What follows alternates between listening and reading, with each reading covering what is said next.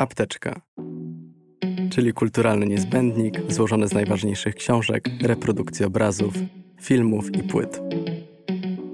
Moich rozmówców i rozmówczynie pytam o to, co przynosi im spokój, napędza do działania i ratuje w momentach kryzysu. Nazywam się Mateusz Ressler i zapraszam do słuchania cyklu.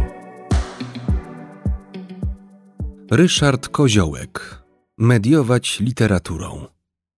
Rozmawiał i przełożył Mateusz Ressler. Czyta Maciej Więckowski. Moja kulturalna apteczka bardziej niż kompaktową saszetkę przypomina raczej wielki ośrodek uzdrowiskowy. To magazyn osobliwości wypełniony przedmiotami, które były dla mnie ważne na różnych etapach życia.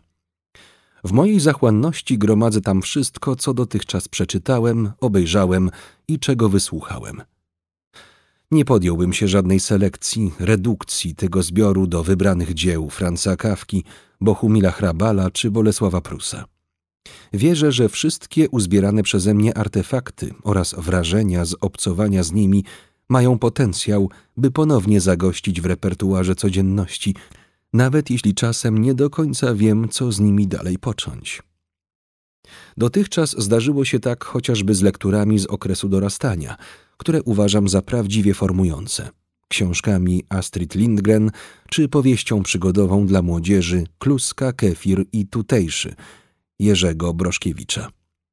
Do fragmentu z tej ostatniej nawiązałem zresztą niedawno w trakcie spotkania autorskiego, gdy zapytano mnie o to, jak dobrze czytać literaturę.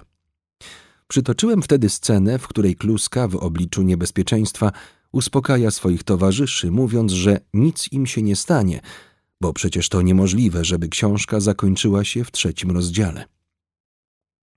Pamiętam swoje nastoletnie oburzenie, kiedy czułem, że ktoś celowo wyrywa mnie z tego wyimaginowanego świata, w który właśnie dałem się przenieść. Jako młody chłopak nie wiedziałem jeszcze, dlaczego tak się dzieje.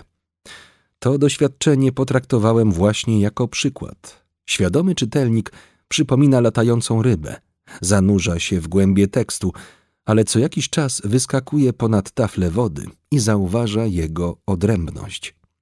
Dzięki temu, oprócz przyjemności z czytania, możliwa jest też głębsza refleksja. Ponowna lektura nie zawsze okazuje się tym, czego byśmy od niej oczekiwali. Nie oddaje magii tego pierwszego razu. W moim przypadku było tak z uwielbianą w czasach studenckich twórczością Edwarda Stachury, do której po latach mam już zdecydowanie bardziej krytyczny stosunek. Dochodzę jednak do wniosku, że książkom trzeba pozwolić na siebie pracować, tak by wspomnienia o tym, co przeczytane, sprzęgły się z teraźniejszością. I choć może zabrzmi to pretensjonalnie, nawet odwołanie do Stachury pomogło mi kiedyś wyjść z towarzyskiego impasu. Przechowuję tę scenę w pamięci jako rodzaj epifanii adekwatności, akt łaski literatury, kiedy nagle w głowie pojawiają się słowa w ich najdoskonalszej postaci i ratują od kompleksów, wyzwalają od wstydu i komunikacyjnej niemocy. Za prawdziwie wielką literaturę uznaję natomiast dzieła, które dają narzędzia do tego, by zrozumieć świat. Nie tylko realia w nich przedstawione, ale przede wszystkim naszą codzienność. Tak właśnie postrzegam trzymane w moim uzdrowisku XIX-wieczne powieści, którym również jako akademik poświęcam wiele uwagi. Są bezcenną matrycą uprzedzeń, niesprawiedliwości i wykluczeń, które 200 lat później w dalszym ciągu trawią społeczeństwo. Łatwo można w nich odnaleźć problemy, z którymi borykamy się zarówno na poziomie indywidualnym, jak i zbiorowym. Nawet jeśli różnimy się w poglądach, to mamy przed sobą lalkę nad Niemnem czy ogniem i mieczem. Są one dla nas niczym filtr.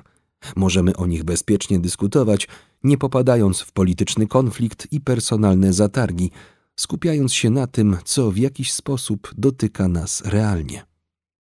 Rozmowy o literaturze są dla mnie rodzajem tworzenia trzeciego miejsca, niezwykle potrzebnego w dzisiejszej debacie publicznej. Dlatego tak usilnie staram się wyprowadzać te kanoniczne teksty z domu umarłych, żeby wciąż były obecne w refleksji na temat współczesności. Chcę, by żyły i pomogły w dostrzeżeniu drugiego człowieka. by były naszymi mediatorami.